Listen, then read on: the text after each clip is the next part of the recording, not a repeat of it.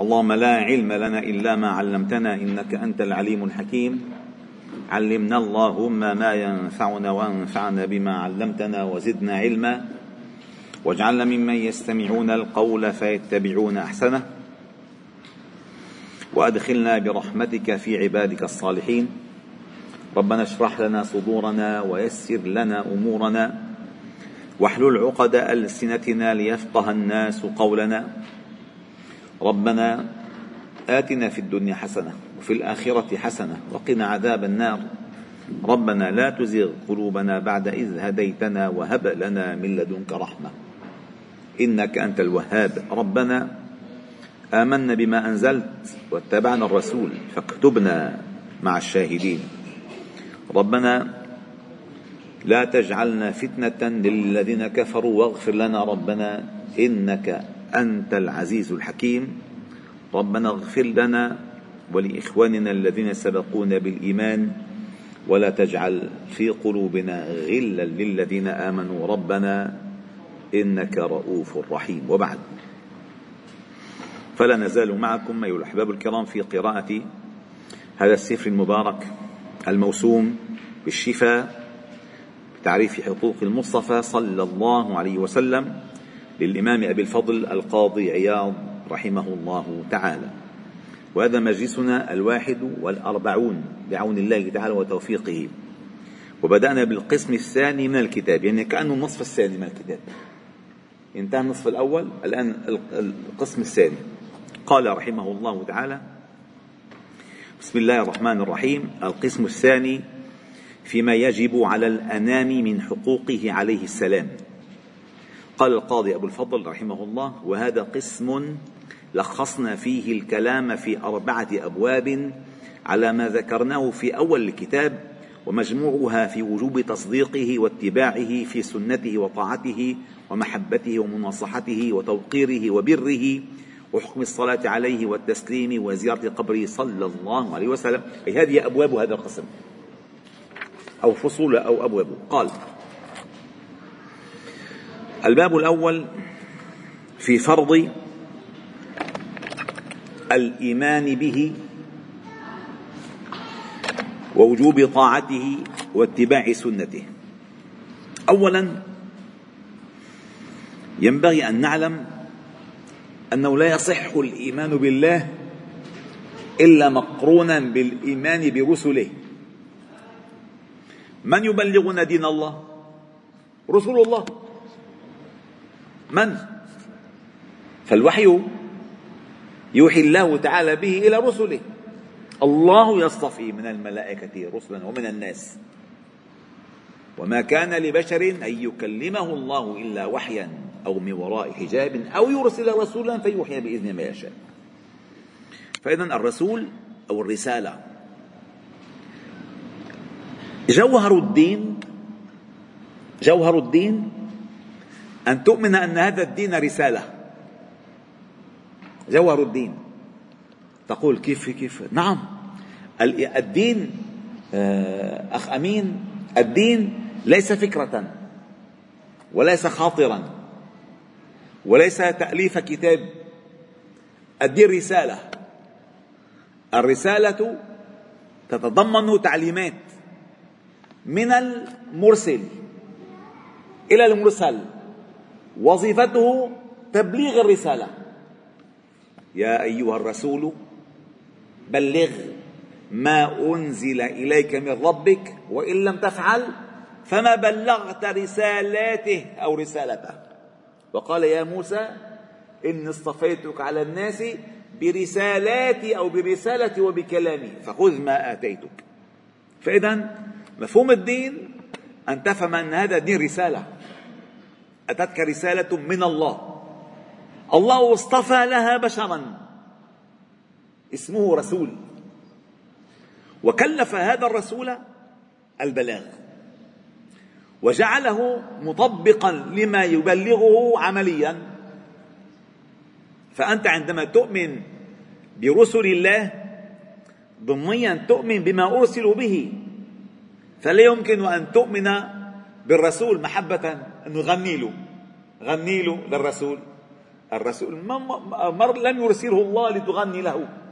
وما أرسلنا من رسول إلا ليطاع بإذن الله. فالرسول ما أتاه ما الله اصطفاه لتمدحه ولا لتنظم فيه شعرا ولا لتنشد فيه آه، آه، رجزا رجزا بل لتتبعه. لا يعني ذلك الممنوع تمدحه. لا. ليست غاية إرساله المدح إنما الاتباع. فإذا عندما تؤمن بالله الله جل جلاله عنده دين وهذا الدين الذي سيبلغه لنا الرسول. هذا الدين هو الرسالة. فإذا الدين أن تفهم أن هذا الدين رسالة.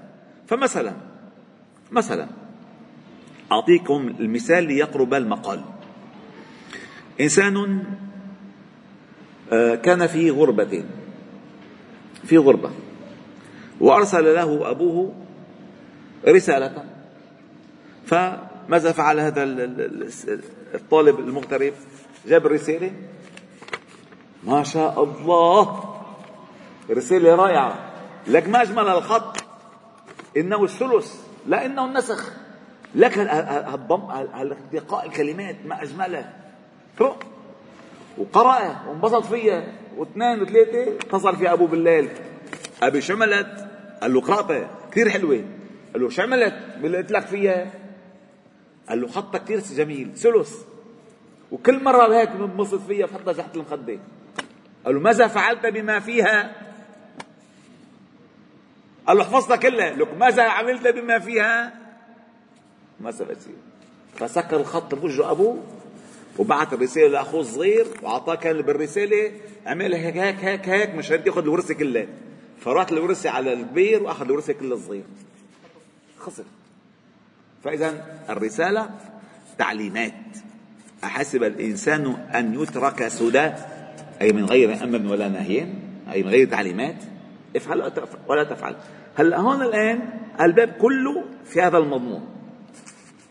قال في فرض الإيمان به أي رسولا ووجوب طاعته فيما يأمر واتباع سنته فيما يفعل. قال إذا تقرر بما قدمناه ثبوت نبوته وصحة رسالته وجب الإيمان به وتصديقه فيما أتى به قال الله تعالى فآمنوا بالله ورسوله والنور الذي أنزلنا. فالإيمان بالله ورسوله. وقال تعالى إنا أرسلناك شاهدا ومبشرا ونذيرا لتؤمنوا بالله ورسوله. الله الله. وقال تعالى فآمنوا بالله ورسوله النبي الأمي الذي يؤمن بالله وكلماته واتبعوه لعلكم تهتدون فالإيمان بالنبي صلى الله عليه وسلم واجب متعين لا يتم الإيمان إلا به ولا يصح الإسلام إلا معه. قال الله تعالى ومن لم يؤمن بالله ورسوله فإنا أعتدنا للكافرين سعيرا. آمن بالله من غير الرسل ما استفاد شيء. إيمان غير مقبول. قال حدثنا أبو محمد الخوشني الفقيه بقراءة عليه. حدثنا الإمام أبو علي الطبري حدثنا عبد الغافر الفارسي حدثنا ابن عمروه حدثنا ابن سفيان حدثني أبو حدثنا أبو الحسين حدثنا أمية بن بسطام حدثنا يزيد بن زريع حدثنا روح عن العلاء بن عبد الرحمن بن يعقوب عن أبي عن أبي هريرة رضي الله عنه أن وسلم قال أمرت أن أقاتل الناس حتى يشهدوا أن لا إله إلا الله ويؤمنوا بي وبما جئت به فإذا فعلوا ذلك عصموا مني دماءهم وأموالهم إلا بحقها وحسابهم على الله تعالى. الله الله. قال القاضي أبو الفضل أياض والإيمان به عليه السلام. سيعرفك ما معنى الإيمان به. يعني شو ما آمنت آه، آه، في مغنية قديمة آه، درزية عندها غنية مشهورة كثير اسمها آمنت بالله. بس ما بنعرف مؤمنة بالله بس غنت كثير آمنت بالله. هل الإيمان بالله؟ لفظا إيمان بالله؟ حقيقة؟ أكيد لا. وكل المصور يحفظوها للغنية وانهزموا ال 67 وكذا وكذا. إذا الإيمان ليس إيمان كان حقيقيا. فليس الإيمان باللفظ. صحيح؟ فقال هنا قال والإيمان به عليه السلام هو التصديق بنبوته ورسالة الله له؟ وتصديقه في جميع ما جاء به وما قاله. ومطابقة تصديق القلب بذلك شهادة اللسان بأنه رسول الله. أي اللسان عندما يقول وأشهد أن محمدا رسول الله يطابق تصديق القلب إيمانا بكل ما جاء به. يا أيها الرسول لا يحزنك الذين يسارعون في الكفر من الذين قالوا آمنا بأفواههم ولم تؤمن قلوبهم. يعني إذا مصدر الإيمان القلب. القلب هو الإيمان. يطابق ما في القلب نطق اللسان. يطابق ما في القلب نطق اللسان. وسيأتي الخلاف. هل إذا صدق بقلبه بقلبه إيمانا وما استطاع أن ينطق لأي ظرف ما هل يصح إيمانه؟ على خلاف بين العلماء سيأتي ذكره لاحقا. قال ومطابقة تصديق القلب بذلك شهادة اللسان بأنه رسول الله صلى الله عليه وسلم. فإذا اجتمع التصديق به بالقلب والنطق بالشهادة بذلك اللسان هذا هو هذا الإسلام ثم تم الإيمان وبه والتصديق له كما ورد في هذا الحديث نفسه من عبد الله بن عمرو بن عمر قال أمرت أن أقاتل الناس حتى يشهدوا لا إله إلا الله وأن محمدا رسول الله صلى الله عليه وسلم. وقد زاد وضوحا في حديث جبريل إذ قال أخبرني عن الإسلام. فقال النبي صلى الله عليه وسلم أن تشهد أن لا إله إلا الله وأن محمدا رسول الله وذكر أركان الإسلام. ثم سألوا عن الإيمان فقال أن تؤمن بالله وملائكته ورسله. إذا بالإسلام في إيمان بالرسول وبالإيمان في إيمان بالرسول. فقد قرر أن الإيمان به صلى الله عليه وسلم محتاج إلى العقد بالجنان أي القلب والإسلام به مضطر إلى النطق باللسان.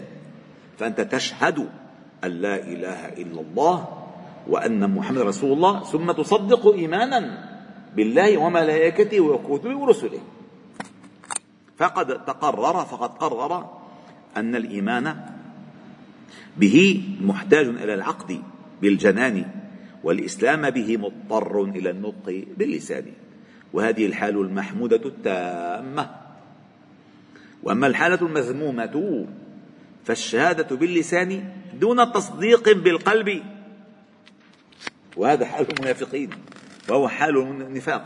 فقال الله تعالى إذا جاءك المنافقون قالوا نشهد إنك لرسول الله.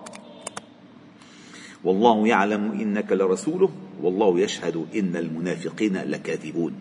أي كاذبون في قولهم ذلك عن اعتقادهم وتصديقهم وهم لا يعتقدونه. فلما لم تصدق ذلك ضمائرهم لم ينفعهم أن يقولوا بألسنتهم ما ليس في قلوبهم. فخرجوا عن اسم الإيمان ولم يكن لهم في الآخرة حكمه إذ لم يكن معهم إيمان. ولحقوا بالكافرين في الدرك الأسفل من النار وبقي عليهم حكم الإسلام الظاهر بإظهار شهادة اللسان في أحكام الدنيا المتعلقة بالأئمة وحكام المسلمين الذين أحكموا على الظواهر بما أظهروه من علامة الإسلام إذ لم يجعل للبشر سبيل إلى السرائر ولا أمروا بالبحث عنها بل نهى النبي صلى الله عليه وسلم عن التحكم عليها وذم ذلك بقوله هل شققت عن قلبه نحن أمرنا أن نأخذ الناس بظواهرهم. ولم نؤمر أن نشقق القلوب. الله تعالى يوم القيامة يجزيهم بما في قلوبهم. قال وللفرق بين القول والعقد العقد بالقلب يعني ما جعل في حديث جبريل الشهادة من الإسلام والتصديق من الإيمان وبقيت حالتان أخريان بين هذين. الحالة التامة الآن قال أن يصدق بقلبه ثم يخترم أن يموت أن يصدق بقلبه ثم يخترم أني مثلا واحد أوصل له الرسالة على الواتساب مثلا أنه الإسلام حق فجزم على الإيمان قال حروح أنا أعلن الإسلام قدام الإمام هو راح مات.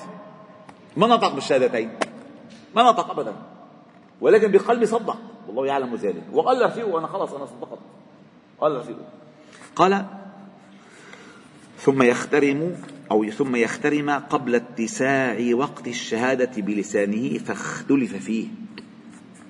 فشرط بعضهم من تمام الإيمان القول والشهادة به ورآه بعضهم مؤمنا مستوجبا للجنة لقول السلام يخرج من الجنة من كان في قلب مثقال ذرة من إيمان فلم يذكر سوى ما في القلب.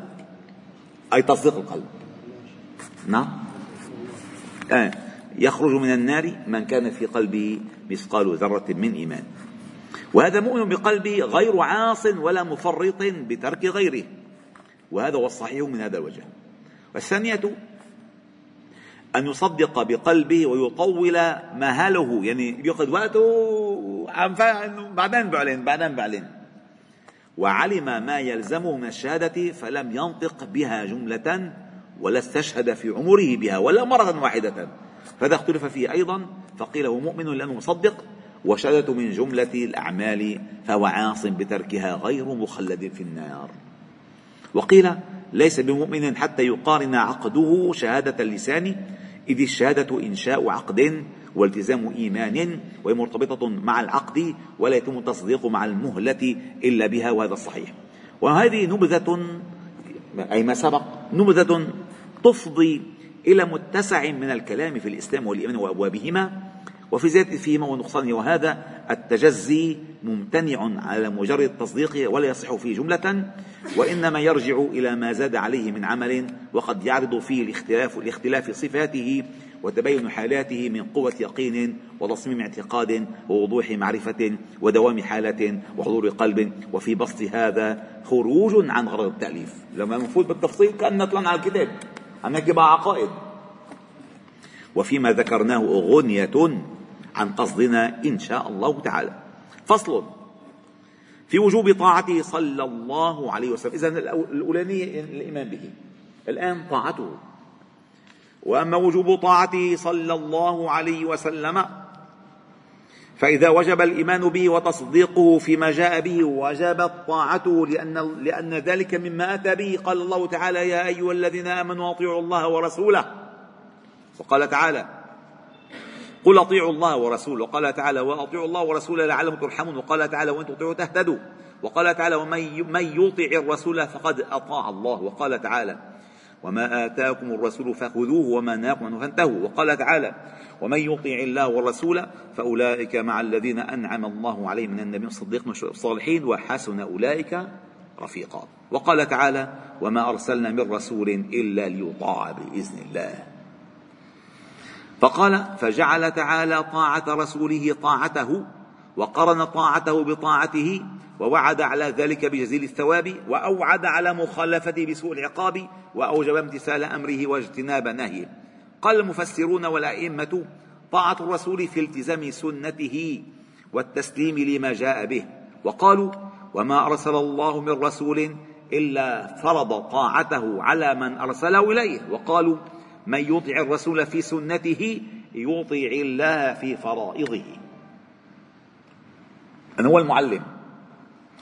وسئل سهل ابن عبد الله عن شرائع الإسلام فقال وما آتاكم الرسول فخذوه وما نهاكم فانتهوا يعني شرائع الإسلام موجودة في في أمره.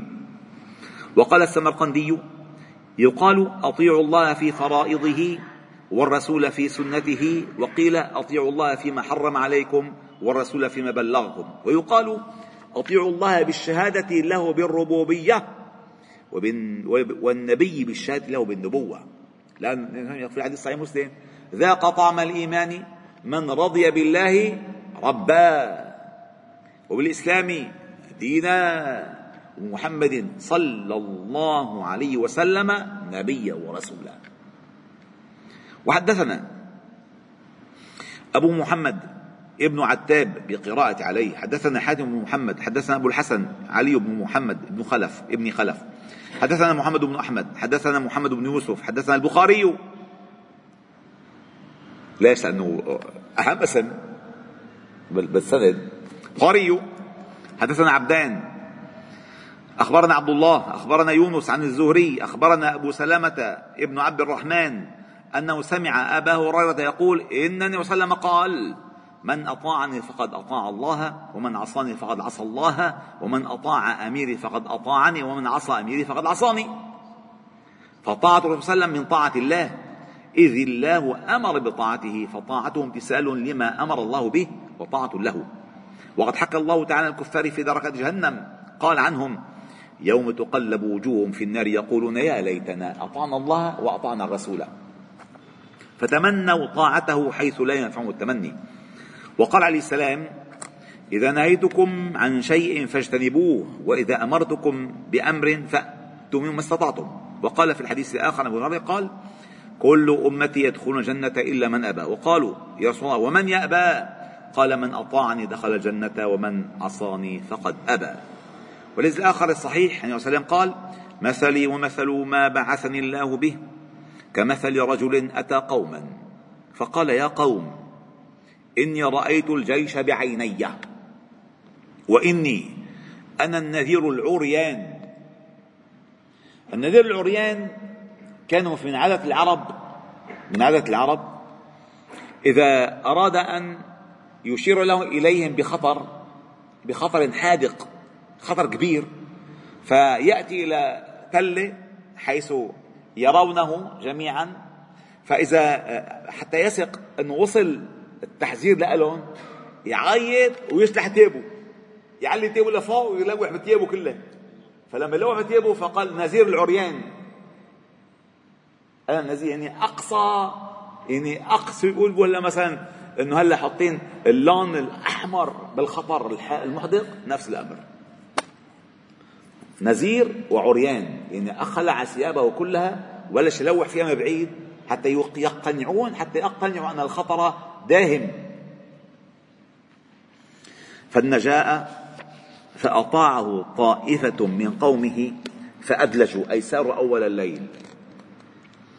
فانطلقوا على مهلهم فنجوا. وكذبت طائفة منهم فأصبحوا مكانهم فصبحهم الجيش فأهلكهم واجتاحهم فذلك مثل من أطاعني واتبع ما جئت به ومثل من عصاني وكذب ما جئت بالحق الله الله. وقال في الحديث الآخر في مثله كمثل من بنى دارا وجعل فيها مأدبة وبعث داعيا. فمن أجاب الداعية دخل الدار وأكل من المأدبة ومن لم يجب الداعية لم يدخل الدار ولم يأكل من المأدبة فالدار الجنة والداعي وسلم. فمن أطاع محمدا قد أعطى فقد أطاع الله ومن عصى محمدا فقد عصى الله ومحمد فرق بين الناس. الله أكبر. فصل. في وجوب اتباعه وامتثال سنته والاقتداء به هديه صلى الله عليه وسلم. وأما وجوب اتباعه وامتثال السنة والاقتداء بهديه فقال الله تعالى قل إن كنتم تحبون الله فاتبعوني يحببكم الله ويغفر لكم ذنوبكم. وقال تعالى فآمنوا بالله ورسوله النبي الأمي الذي يبذل كلماته واتبعوه لعلكم تهتدون. أي ما في هداية إلا بالاتباع. وقال تعالى فلا وربك لا يؤمنون حتى يحكموك فيما شجر بينهم ثم لا يجدوا في أنفسهم حرجا مما قضيت ويسلموا تسليما. أي ينقادون لحكمك. يقال سلم واستسلم وأسلم إذا انقاد. وقال تعالى لقد كان لكم في رسول أسوة حسنة لمن كان يرجو الله واليوم الآخر وذكر الله كثيرا. قال محمد بن علي الترمذي هذا غير تبع عيسى الترمذي تبع السنن. تبع نوادر الأصول الحكم. قال الأسوة في الرسول الاقتداء به والاتباع لسنته وترك مخالفته في قول أو فعل. وقال غير واحد من المفسرين بمعناه وقيل هو عتاب للمتخلفين عنه. وقال سهل في قوله تعالى صراط الذين أنعمت عليهم. قال بمتابعة السنة فأمرهم الله تعالى بذلك ووعدهم بالاهتداء باتباعه لأن الله تعالى أرسله بالهدى ودين الحق ليزكيهم ويعلمهم الكتاب والحكمة ويهديهم إلى الصراط المستقيم ووعدهم محبته تعالى في الآية الأخرى ومغفرته إذا اتبعوه وآثروا على أهوائهم وما تجنح إليه نفوسهم وأن صحة إيمان بانقيادهم له ورضاهم بحكمه وترك الاعتراض عليه. وروي عن الحسن أن أقواما قالوا يا رسول الله إنه نحب الله تعالى. فأنزل الله تعالى قوله قل إن كنتم تحبون الله فاتبعوني. من الطريق؟ يحبكم الله ويغفر ذنوبكم. وروي أن الآية نزلت في كعب بن الأشرف أي اليهود. لأن شو قالوا؟ نحن أبناء الله وأحباؤه. آه مزبوط ليكوا هذا الرسول. اتبعوا. فكذبوه. أنهم قالوا نحن أبناء وأحباؤه ونحن أشد حبا لله. فأنزل على هذه الآية. وقال الزجاج معناه إن كنتم تحبون الله إن تقصدوا طاعته فافعلوا ما أمركم به. إذ محبة العبد لله والرسول طاعته لهما ورضاه بما ورضاه بما أمرا ومحبة الله لهم عفوه عنهم وإنعامه عليه برحمته. يقال الحب من الله عصمة وتوفيق. يعني مثلا كيف يحب الله العبد؟ أن يعصمه ويوفقه. يعني يعني أن يراه حيث يرضى. يعني أن يراه حيث يحب. فيوفقه لأن يكون في المكان الذي يحب الله أن يراه فيه. فبالتالي أنه يحب محبة. توفيق. أن يعصمه عما لا يحب. فتوفيقه وعصمته محبة. من الله يعني. هذا من أجمل تعرف المحبة. كيف يحب الله العبد؟ أن يعصمه ويوفقه. هذا هذا المحبة الكاملة. ولا المحبة أيها الأحباب ليست ليست ادعاء فما في حد يقول أنا بحب الله. هذا كلام لا محل له من الإعراب. لا أجر له أبدا. أبدا. قال أنه ماذا أعددت للساعة قال حب الله ورسوله. كيف بالاتباع. ولذلك قال الشاعر دلائل الحب لا تخفى على أحد. كحامل المسك لا يخفى إذا عبق. الحب علامات. الحب ليس كلاما. لذلك الإمام زنون المصري رحمه الله تعالى وذكر ذلك ابن رجب الحنبلي في بداية كتابه استنشاق رياض القدس على وصف الجنة. قال خاض قوم في المحبة عند الإمام ذي النون المصري ومن أئمة أئمة الإسلام في الزهد والمعرفة. فنهاهم عن ذلك. نهاهم عن ذلك. وقال لا تتكلموا حتى لا يدعي المحبة من لا يستأهلها. خليها ذوقية داخلية معرفية. لا تتحدثوا بها أبدا لأن الحب توفيق وعصمة. وليس ادعاء ليس غنية. أبدا بتحب أنت بتحب التفاحة بتحب البطيخة بتحب مرتك بتحب كذا. استفل بس هذه المحبة مع الله داخلية من جوا من جوا من, من قلب قلب قلب قلبك. قال كما قال القائل تعصي الإله وانت تظهر حبه وهذا هذا العمر في القياس بديع لو كان حبك صادقا لاطعته إن المحب لمن يحب مطيع. ويقال محبة العبد لله تعظيمه له وهيبته منه. ومحبة الله تعالى له رحمته له وإرادته الجميلة له كل معنى واحد وتكون بمعنى مدحه وثنائه عليه. قال القشيري فإذا كان بمعنى الرحمة والإرادة والمدح كان من صفات الذات وسيأتي بعد في ذكر محبة العبد غير هذا بحوله تعالى.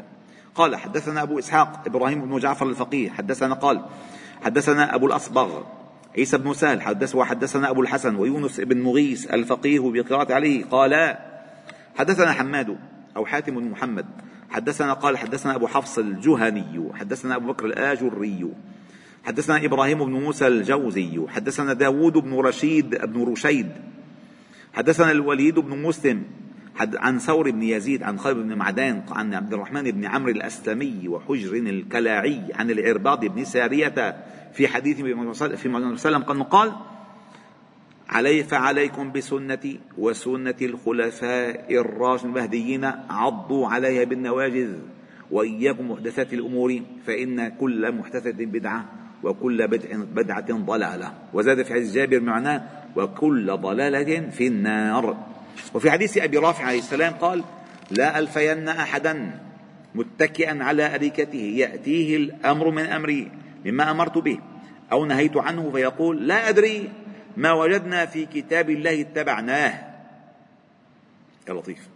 حديث خطير وحديث خطير. وقال بالبداية متكئا على أريكته مرتاح مرتاح. بدأت الشقة ومدار المكيف وحاط صحن أبو شر جنبه. مرتاح. مرتاح. وبده يتفلسف يتفلسف على المسلمين. ليش الرسول مهم؟ لأنه هو هو بين الرسالة. لا تترك الإنسان على اهواء الإنسان. ليش الأئمة مهمين بالإسلام؟ لأن الأئمة بدلوك على الطريق. بدلوك ما فيك تعيش بلا إمام يا حبيبي. ما فيك تعيش. الإمام الأول عندنا من؟ النبي صلى الله عليه وسلم. وكل من يوصلنا إليه أئمة وأولو الأمر منكم. هل الأئمة هل يطاعوا؟ لأن طاعتهم من طاعة الله ومن طاعة رسوله. لذلك الحديث ومن أطاع أميري فقد أطاعني. أي من يدل علي من ينقل لكم أمري فهو أمير عليكم. وأنا أمرته. نعم. قال وفي حديث عائشة رضي الله عنها قالت صنع النبي صلى الله عليه وسلم شيئا ترخص فيه فتنزه عنه قوم. فبلغ النبي صلى الله عليه وسلم فحمد الله ثم قال ما بال قوم يتنزهون عن الشيء أصنعه؟ فوالله إني لا أعلمهم بالله وأشدهم له خشية. وروى عليه السلام أنه قال القرآن صعب مستصعب على من كره. يا لطيف. يعني شوف الآية بسورة سورة فصلت خطيرة كثير قال وقالوا ولو جعلناه قرآنا عجميا لقالوا لولا فصلت آياته. أعجمي وعربي. قل هو للذين لا يؤمن هدى وشفاء. والذين في آذانهم وقر وهو عليهم عمى. أولئك ينادون من مكان بعيد. مستصعب عليهم. بيسمعوا منه الأصوات لا يسمعون التعليمات. بس صوت ما بيسمعوا شيء ما بيفهموا شيء. لذلك هو صعب مستصعب ما بيستفيدوا منه شيء أبدا. أما هذا من؟ قال على من كرهه. وسورة القتال ذلك بأنهم كرهوا ما أنزل الله فأحبط عمله.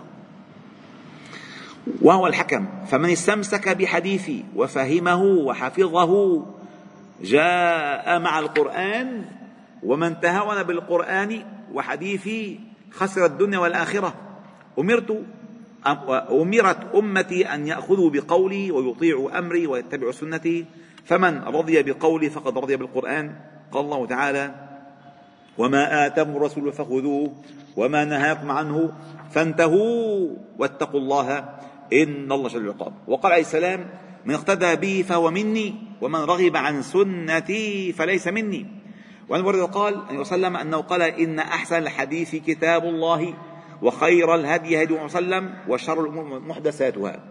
وعن عبد الله بن عمرو بن العاص قال قال وسلم العلم ثلاثة فما سوى ذلك فهو فضل آية محكمة أو سنة قائمة أو فرض عادلة. وعن الحسن بن أبي الحسن رضي الله عنه قال عليه السلام عمل قليل في سنة خير من عمل كثير في بدعة. القليل في هدى خير من الكثير الكثير الكثير منه على هدى. ما شاء الله منجزات هائلة هالمنجزات بميزان الدين؟ شو؟ صفر. صفر. ما له قيمة. وقال السلام قال إن الله تعالى يدخل العبد الجنة بالسنة تمسك بها. وعن بريدة قال يعني وسلم قال المتمسك بالسنة عند فساد أمتي له أجر مئة شهيد. وقال السلام إن بني إسرائيل افترقوا على اثنتين وسبعين ملة وإن أمتي تفترق على ثلاث وسبعين كلها في النار إلا واحدة. فقالوا من هم يا رسول الله؟ قال الذي أنا عليه اليوم وأصحابي. وعن أنس قال قال عليه السلام إن من أحيا سنتي فقد أحياني ومن أحياني كان معي في الجنة. وقال وعن عمرو بن عوف المزني أن النبي صلى الله عليه وسلم قال لي بلال بن الحارث من أحيا سنة من سنتي قد أميتت بعدي. فإن له من الأجر مثل من عمل بها من غير أن ينقص من أجور شيئا ومن ابتدع بدعة ضلالة, بدعة ضلالة لا ترضي الله ورسوله كان عليه مثل آثام من عمل بها لا ينقص ذلك من أوزار الناس شيئا. والحمد لله رب العالمين. سبحانه وبحمدك نشهد أن لا إله إلا أنت. نستغفرك ونتوب إليك وصل وسلم وبارك على محمد وعلى آله وصحبه أجمعين والحمد لله رب العالمين.